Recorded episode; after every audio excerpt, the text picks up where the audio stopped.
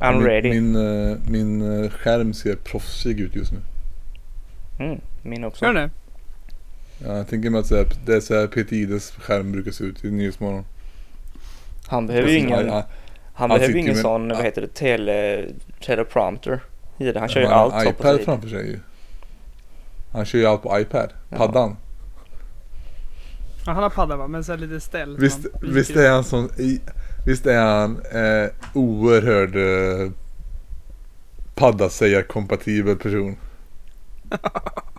Men är inte alla på typ 35 plus det? Är det inte vidrigt då? Jag hatar det. Va, vad säger du då? iPaden? iPad. iPaden? Ja, jag vet inte. iPaden. Padden kanske. Padden. Paden? Jag behöver inte säga, jag har ju inget, så jag behöver inte säga det. Det är som att eh, man skulle Man skulle säga mackan till macken. Ge mig mackan när jag ska betala räkningarna. Kan jag få mackan? Eller Eller eh, istället för att säga iPhonen säger man fånen. Men det gör jag. Jag säger på den. Gör det på riktigt? gör du inte. Ja, eh, telefonen Nej, eller du felletonen. Felletonen tycker jag är lite så, lite fransigt. Fransigt. Men du är faktiskt en fransig person. Förändringen, förändringen. Förändringen, förändringen. Förändringen, förändringen. Förändringen, förändringen.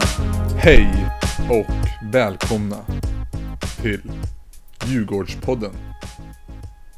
Jag heter Karl Hasselöv. Jag är eran värd i denna podd och kommer att eh, vara eran guide genom mörkret likt Gandalf leder sina tappra kämpar genom grottan förbi den röda demonen innan han släpper taget. Släppa taget kommer jag eh, också göra nu eh, när jag presenterar mina två gäster till denna podd. Eh, idag har vi med oss journalisten och experten Albin Dallas Falk Hansson. Välkommen. Tack så jättemycket, tack så jättemycket. Och även den sedan många år eh, trogne Djurgårdssupporten Gustav Ice Backlund. Tack så mycket. Kul, Välkommen. kul att vara här. Eh, en fråga, ditt smeknamn där Ice, Mm. har det någonting att göra med Djurgårdens isblåa ränder? Man skulle ju kunna tro det, men det är faktiskt så att eh, ICE står för In Case of Emergency för att mig kan man alltid ringa och få råd och tips. Okej, men det är ju det är skönt att veta ändå för eh, lyssnarna i den här podden. Ehm, ja men som, som ni två ju vet och som lyssnarna också förmodligen listat, listat ut vid det här laget så ska vi prata Djurgården idag. Uteslutande Djurgården, Djurgården, Djurgården. Diff, järnkaminerna, Blue de blårandiga bröderna från eh, Djurgården. Djurgården. Ja det ska bli jätteroligt faktiskt. Ja det ska bli Ja. jättekul. Mm. Äntligen är det dags. Vad bra. Ehm, jag, tar, jag tänkte att jag har en, ehm, en liten introduktion först till uh, Djurgården anno 2017. Ja. Eh, bara för att vara Ehm. säker, är det, är det fotboll vi pratar enbart idag? Ja just ja, såklart det är något som man, eh, som man måste eh, vara tydlig med när man pratar om med Stockholmslagen. Vi ska prata om Djurgården fotboll idag då, ska tilläggas. Djurgården Mm. fotboll, eh, som ju är den klubb i årets fotbollsallsvenska som kanske stått inför flest och framförallt störst förändringar. Tränarbyte, där Uskan Melker Michel har tagit över, samt en generationsväxling. Ja, kanske inte en sån generationsväxling som de flesta tänker på när man pratar generationsväxling utan lite mer åt andra hållet. Eh, rätta mig gärna om jag har fel men istället för att köra ungt, eh, från, ungt eh, från gammalt till ungt så har Djurgården eh, bestämt sig för att köra ungt till gammalt helt enkelt. Och inget Kim däremellan. Källström Kim Källström har kommit in, eh, förstärkt laget med sina korta men långsamma löpningar och eh, otroligt bra crossbollar. Eh, de här crossbollarna är ju allt mellan 2 meter och 100 meter. Eh, ska tilläggas. Men eh, Kim, man trodde väl in, inför kanske säsongen att Kim skulle vara en av de mest profilstarka värvningarna som Djurgården gjorde i år men eh, Den bästa värvningen eh, enligt mig då som moderator här i alla fall om man får vara lite partisk Så eh, är ju det värvningen av den 34-årige mittbacken och eh, Landskrona-sonen Jonas Olsson Ja, bra Olsson namn. har ju hittills den här säsongen eh, spelat mot Zlatan och eh, sen häromdagen Ebba Busch Thors man. Jag kommer inte riktigt ihåg vad han heter. Niklas. Ah, okej. Nicky BT. Niklas Busch Thor. Ja, eh, vad härligt. Vad, vad, vad är era känslor nu så här efter första matchen för Djurgården? Jag tycker att eh, supporten kan få svara på det först i och med att det är han som nog bubblar mest av känslorna. Ja, det är en oerhörd besvikelse såklart när man gått och väntat på, på premiären och även sett AIKs och eh, Bayerns matcher. Och eh, varit såklart glad över att de inte fått med sig vad, man, eh, vad de hoppades på. Eh, Bayern torsk och AIK lika. Så då tänkte man att det är väl en bra start för Djurgården att ta Sirius hemmaplan då. Men så blir det 30 sekunder av, vad ska man kalla mm, downfall bara. Och det var väldigt tråkigt att se. Efter all den här eh, förväntningen på en allsvensk premiär. Ja, för att tillägga det, för att förtydliga Gurras ehm, ehm, ja, men refer, referat till matchen så släppte Djurgården hade 0-0 i halvlek mot Sirius och förlorade med 2-0 efter två snabba målet av Kingsley Sarfo i Sirius. Albin, vad, vad, vad känner du? Jag, jag ska se det som eh, objektiv åskådare av matchen. Jag var ju faktiskt på plats, jag var på eh, pressläktaren. Och eh, det surrades ju väldigt mycket inför matchen om förväntningarna och liksom vad, vad Djurgården skulle ställa på banan och det blev, blev en väntad elva. Ehm, men utfallet blev ju inte vad, vad någon trodde egentligen. Det fanns ju lite oklarheter i om laget var samspelt eller om hur eh, Kim skulle anpassa sig till konstgräs och så vidare. Ehm, och det kändes väl bra, positivt till en början. Eh, De skapade inte så mycket, Sirius. Ehm, men efter andra halvlek som sagt, då kom King Sarfo in och i matchen verkligen. Han var ju bra för, i första också men sen två mot 30 sekunder var helt, helt eh, enormt och det, musten och luften gick ur eh, Tele2 Arena, eller Stockholms Arena som stockholmarna, eller djurgårdarna sä- säger. Ehm, men det var en härlig, härlig känsla innan och sen blev det lite ett antiklimax efteråt. Ja, det, det får man ju verkligen säga att det var ett eh, antiklimax. Man hade ju räknat med Djurgården vinst där kanske. Så jag Ja. tänkte att eh, Jag tänkte att nästa fråga blir eh, nu när ni har fått känna, jag har fått känna av lite stämningen här i, i, eh, i sällskapet efter första matchen så tänkte jag vi börjar lite som Djurgårdens eh, generationsväxling i fel ände. Eh, så jag tänkte att vi börjar med frågan eh, Vad tror ni om Djurgårdens slutplacering i serien i år? Och vart kommer de att ligga vid sommaruppehållet? Eh, man hoppas väl på, om första matchen har sett bättre ut än vad den gör, eller vad den gjorde rättare sagt, så hade man väl hoppats på i alla fall en topp tre eh, placering. Eh, och eh, nu får man väl så här ta med i beräkningen att det kommer vara lite infasningsperiod för, för grabbarna. Eh, där de inte kommer prestera så lite, lika, lika bra som man tänker sig att de ska med den truppen de har i början här och det är väl det sämsta tänkbara matcher framför att köra in laget i. Med, vad är det, fyra av fyra tänkta topplag som man ska möta nu i den här eh, viktiga början av säsongen. Så jag får nog ändå säga att jag förväntar mig eh, trots allt en topp 6 placering för Djurgården i år. Allt annat Ja. är en besvikelse. Ja, ja men eh, det får jag säga också att ehm, hade du frågat mig igår inför matchen hade jag trott att Djurgården skulle komma topp 5. Ehm, efter det så igår, absolut man ska inte dra för stora växlar på en match. Ehm, men man börjar ju tänka vilka lag som man liksom har framför sig och vilka som har rustat så pass bra och vilka som, hur de såg ut i inledningsomgången. Då kan vi ju säga bara AIK, Häcken, okej det var ingen sprudlande fotboll men två stabila lag och det var väl Det är väl defensiven som man trodde att Häcken skulle få svårt med. Men nu har Stare kommit in och styrt upp den vad det verkar både på försäsong och mot AIK på bortaplan. 0-0 där, det är bra. Så de två lagen kommer ju eh, definitivt vara med i toppen. Elfsborg. Riktig mangling av eh, Kalmar på bortaplan. Malmö, Göteborg. Eh, ja, så finns det Östersund också. Men jag tror också där en eh, sexa, sjua. Men jag får väl säga en sexa.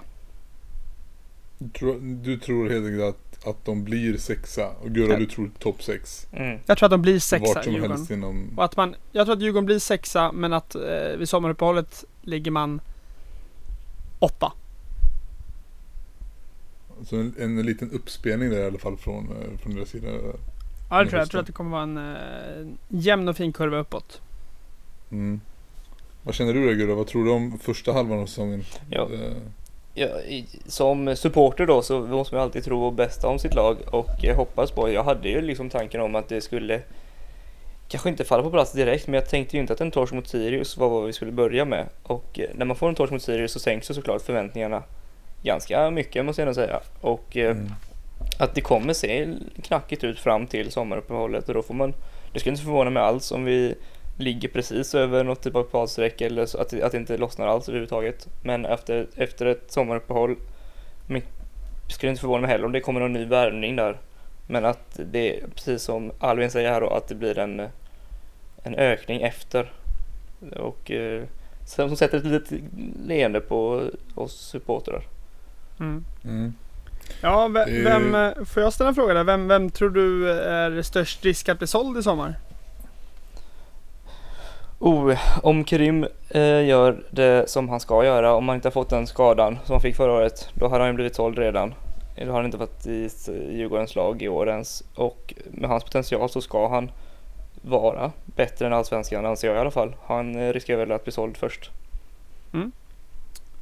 Ja, det tror jag också.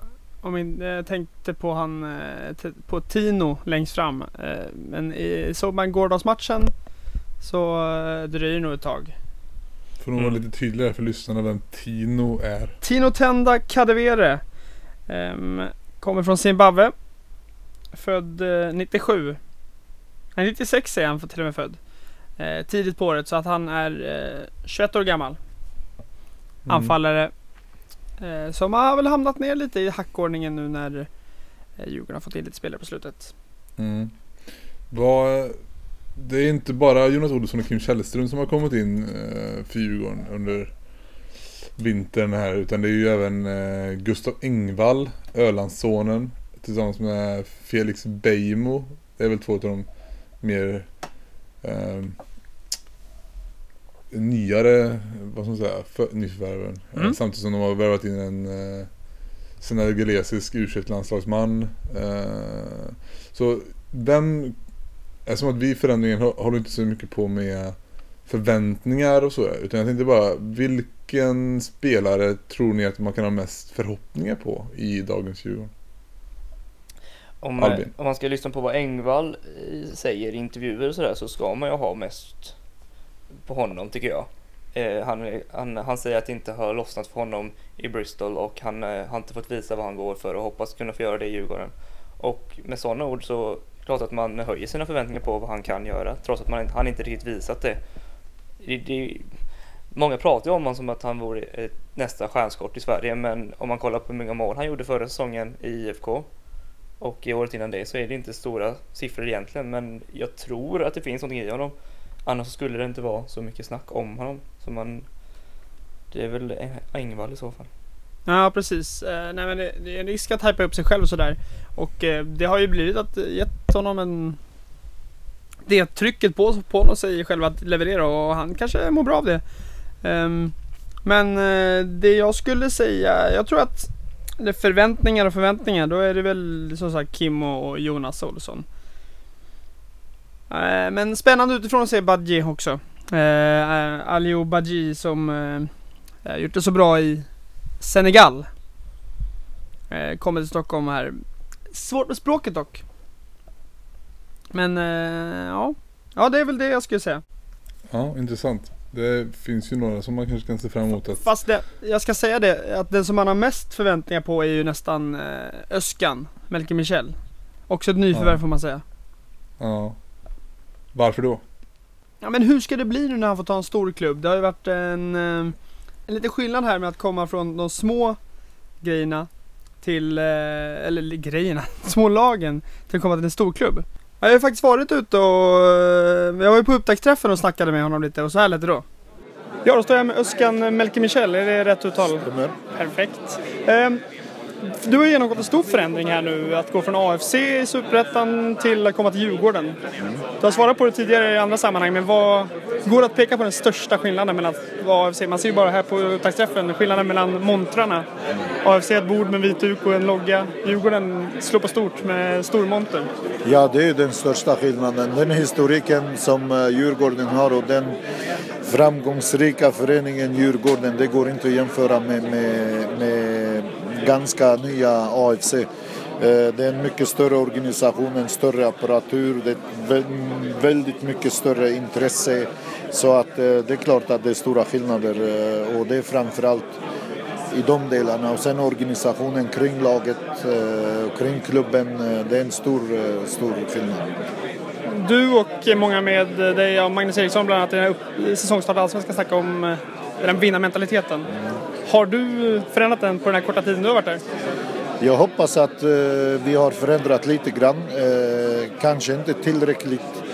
Eh, det får vi se över tid, men eh, vi jobbar med det dagligen och eh, det finns många vinnarskallar. Det gäller bara att hjälpa dem att få fram det. Och mm, senaste matchen mot Tromsö, vad, vad gav den för tecken förutom att provspelarna och ja, Ja. Tino som du fick se första gången gjorde mål? Ja, men det är väl ett bra tecken. Eh, Det är väl det vi har saknat eh, någonstans. Och vi gör tre mål och eh, vi vinner matchen. Och det finns delar som, som, som är bra i anfallsspelet och det finns delar som är mindre bra. Men vi håller på och fortfarande och, och jobbar med de bitarna, både anfall och försvar.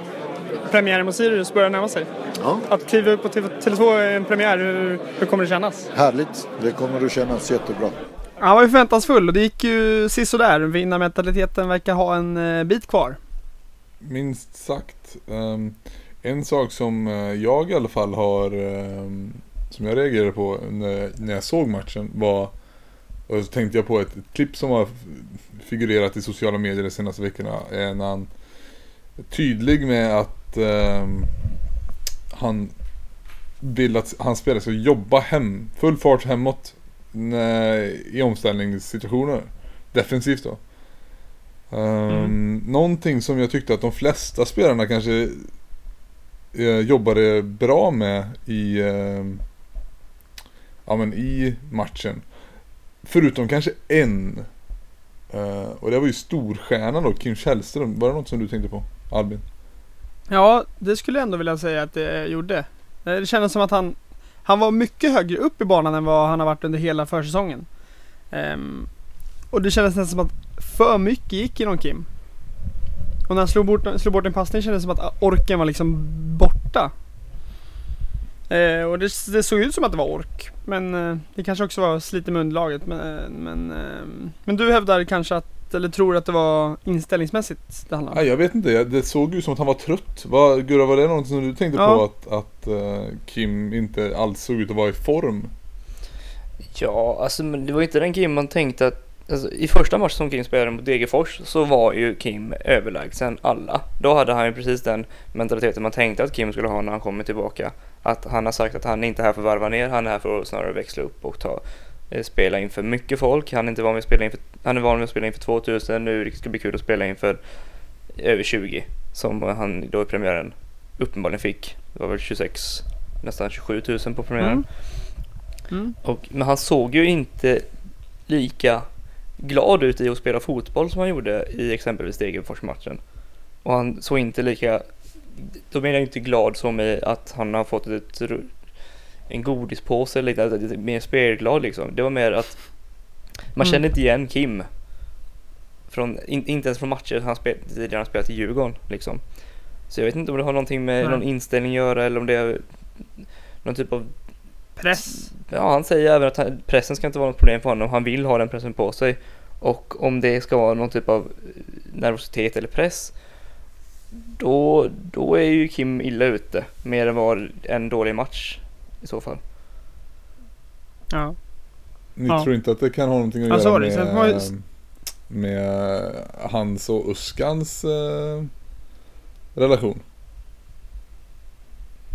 Så kan det definitivt vara. Eh, den har väl, alltså jag, jag Det är det som är farhågan utifrån sett att eh, Att Öskan är en eh, Kan vara en för svag ledare. Ett namn som inte, som spelarna Eventuellt tappar respekt för efter ett tag. Eh, alltså det vet man ju aldrig. Men eh, den, de indikationerna har eh, Har eh, De finns där. Ja, jag tror ju inte att det handlar om någon typ av sån relation mellan Kim och Oskar riktigt. För eh, det, spel, det, det spelar väl ingen stor roll egentligen vilka lag man har tränat om man kommer dit till ett lag som behöver pondus och har den pondusen. Han vet ju det att vinna. Eh, Oskar Melker har ju vunnit det mesta när han tränat sina lag. Han ju väldigt, han är, Men tror inte du att Kim som har spelat i Lyon och vunnit sju raka eh, ligatitlar där och spelat EM och VM med svenska landslaget och, och eh, gjort det bra.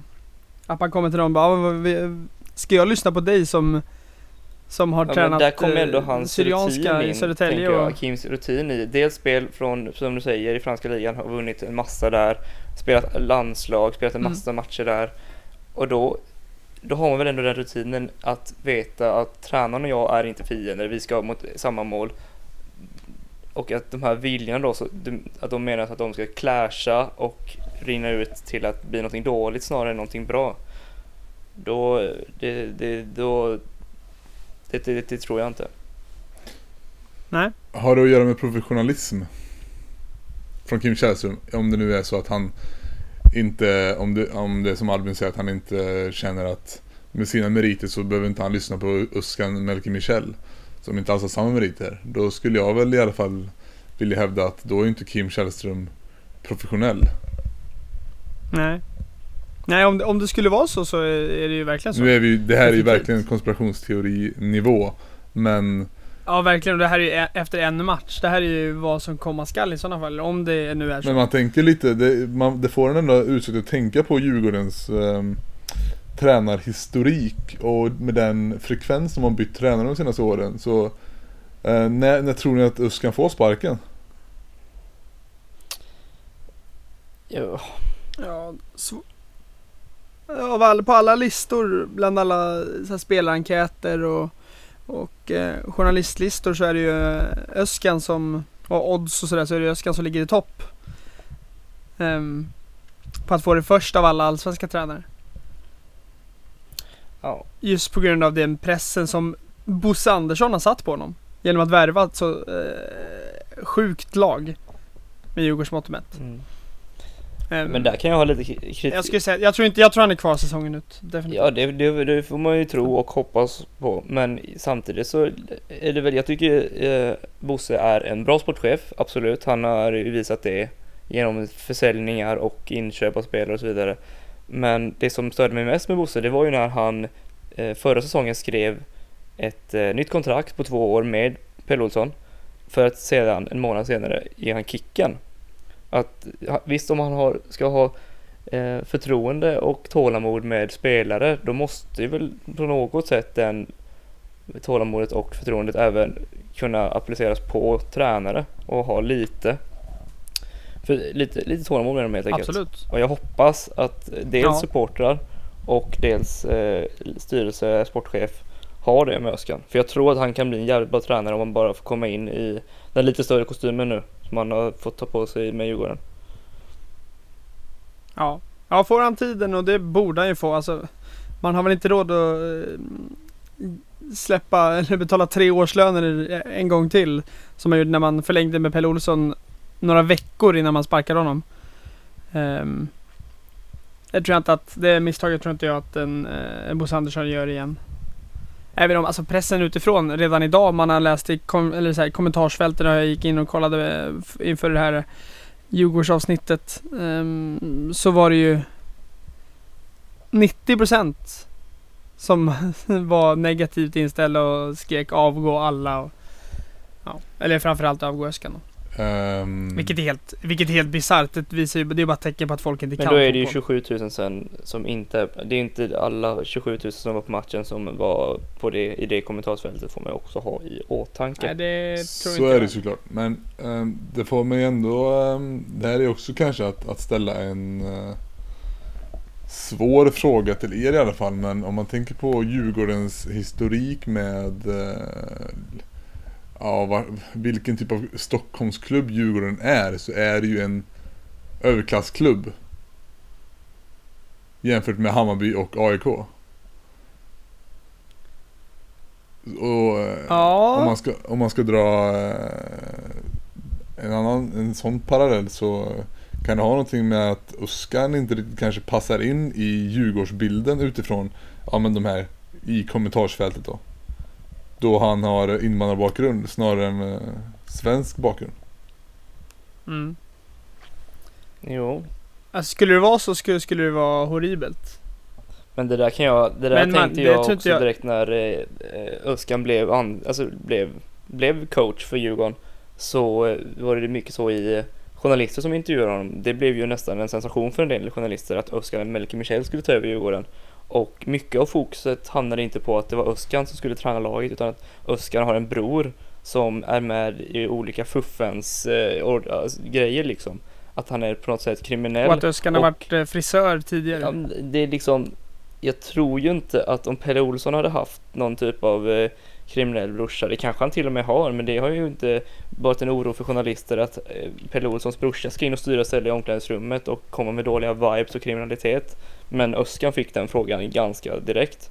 Så det är väl Mm. också en bild, inte bara som supportrar i Djurgården, eh, om man ska vara säker, det är väl en bild som alla då i så fall, krasst sagt, har Ja. om Djurgården som en, vad du kallar en överklassklubb då. Det har ju varit tidigare. Soran Lukic vann ju SM-guld med Djurgården Mm. tillsammans med Sören Åkerby.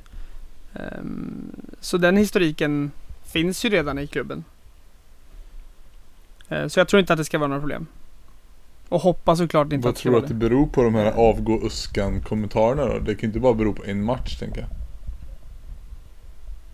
Nej, jag tror att jag tror definitivt att eh, det, det kan ha att göra med någonting sånt.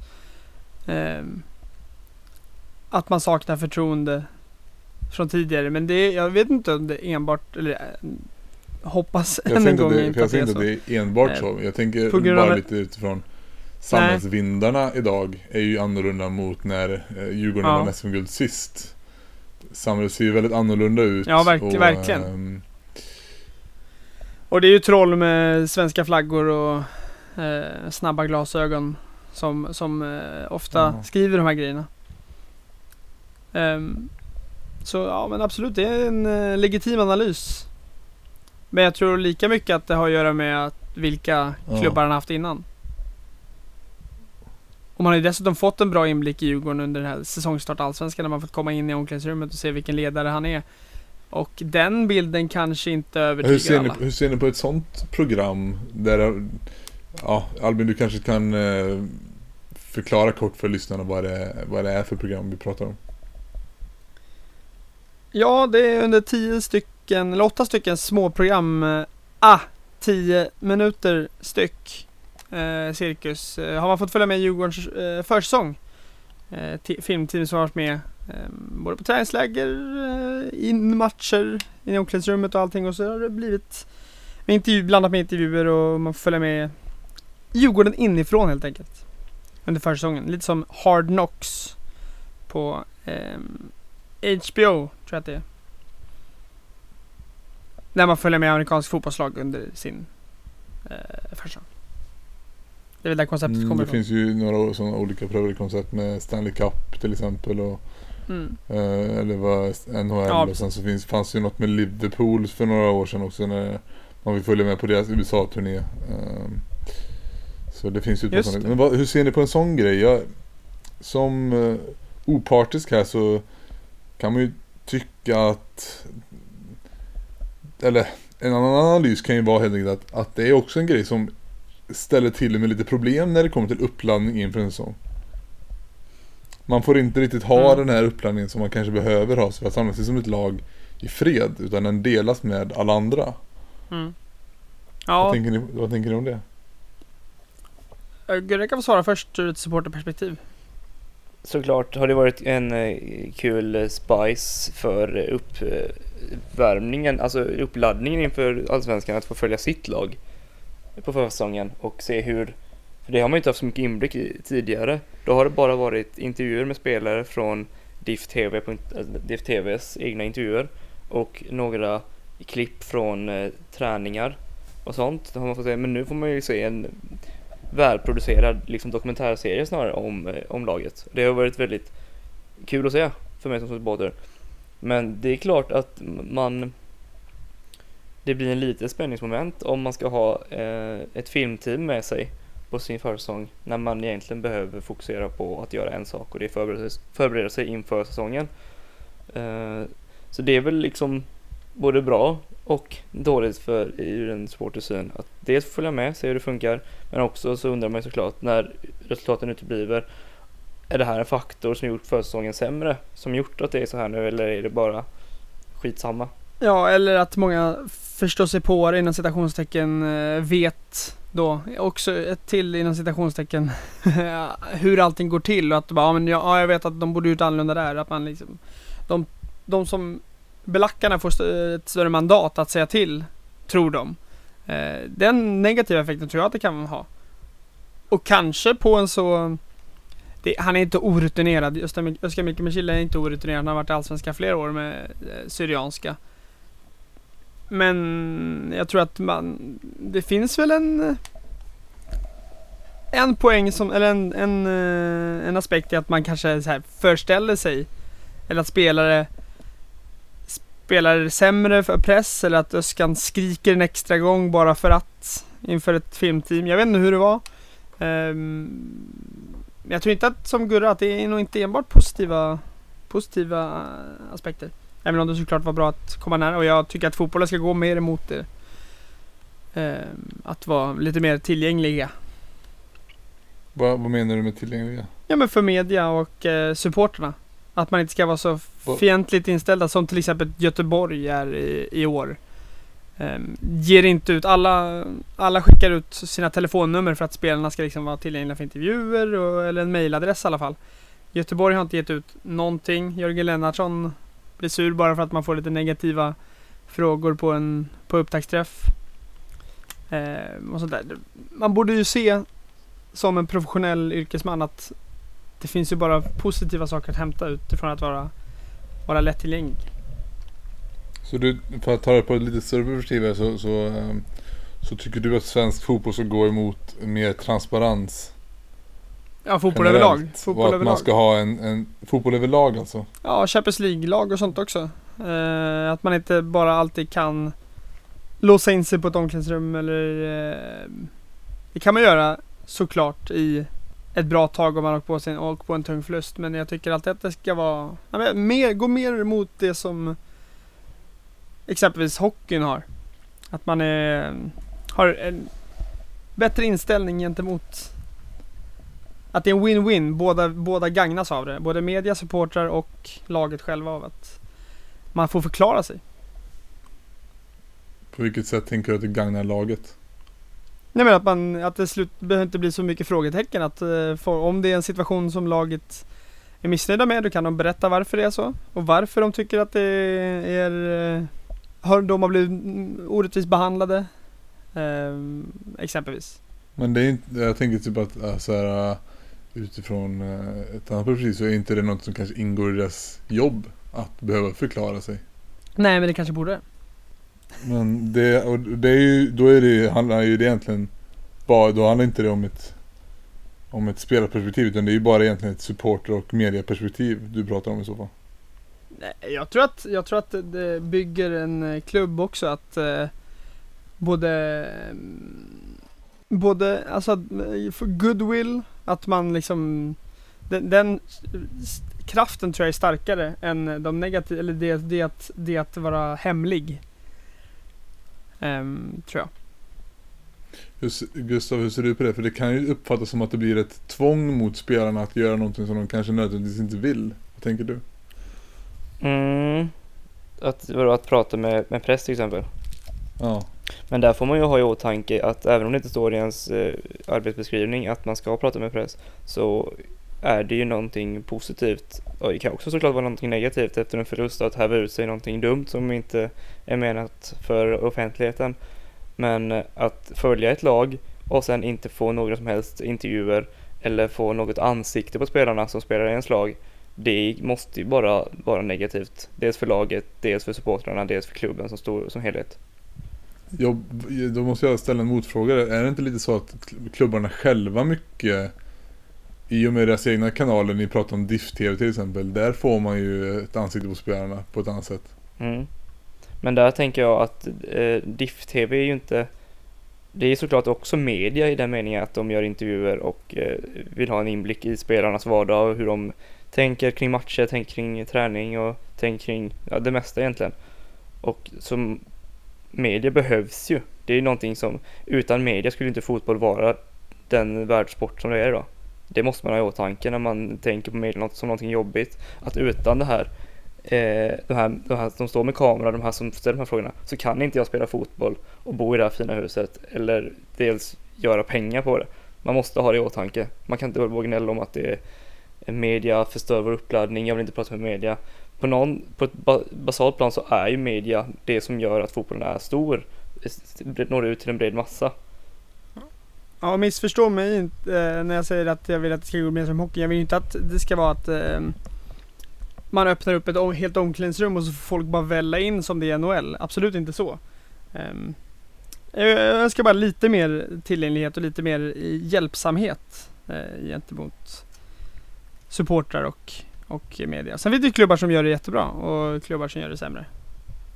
Men i det stora hela skulle jag Mm. tro att det gagnar alla. Det är en intressant tanke. ehm, som eh, det är ju ganska delat på skulle jag väl eh, uppskatta det. Att många spelare i många lag eh, har väl kanske så att de har mediadagar. I alla fall i Premier League så är det så att de har mediadagar där de gör mediaplikter, spelarna. Ja. Både för officiella hemsidan men sen även för tidningar och, och intervjuer och, och lite roliga klipp och sånt där som man kan få följa på olika YouTube-kanaler till exempel. Mm. Så eh, en tanke är väl kanske att istället för att det blir mer riksmedia så blir det mer eh, klubbmedia. Som jag vet inte riktigt, det kanske var en, en, någonting som vi inte riktigt var tydliga med det men det finns ju de två olika Olika... Att det rör sig kanske, det kanske rör sig mer från att vara en tidning som rapporterar till att bli mer klubbens egna eh, Ja så är det definitivt. Lite Zlatan-appen. Mer nyanserad, de väljer själva vad de, vad de, eh, vad de vill berätta. Men Mm. om man går på mot den utvecklingen att man hellre låter klubbens egna inom media sköta bevakningen av laget. Då kommer det är inte så att sportsidor på andra tidningar kommer lägga ner sin verksamhet då. Då kommer de ju jaga ännu mer för att få ännu mindre. Så att eh, det, jag tror det är, det, det är ingen bra taktik om man nu inte vill ha media i, i hasan så att säga att stänga ut dem helt för då kommer de jaga törstigare liksom. Det är vad jag tror i alla fall. Mm. Ja, det är intressant. Uh, det är en intressant diskussion som vi kanske får tillfälle att följa upp under säsongen. Jag har egentligen bara en sista fråga, en snabb fråga till er båda som jag vill att ni svarar på eh, i, i en siffra. Okej.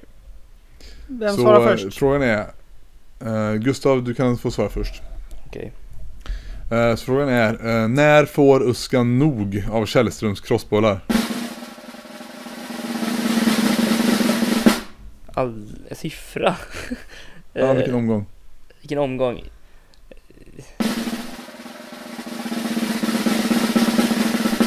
Det får han inte. Albin? Sju. Perfekt. Ja, tack så mycket för det och, och hå- håller tummarna för att Jonas Olsson kan vända skutan Han var för bra igår. Djurgården. Förutom på ett av Ja, målen. Ja, bäst på plan faktiskt. Alltså inte bäst på plan, bäst på Djurgårdsplan då. Så kan jag säga. Precis. Ja. Hörni, tack så mycket för det här. Tack, tack själv. Eh, Jag ser fram emot att komma tillbaka och prata om eh, kanske Djurgården eller även något annat lag i framtiden. Ja, Gustav, tack så mycket. Tack så mycket. Lycka till med säsongen. Tack, tack. Hej. Hallå!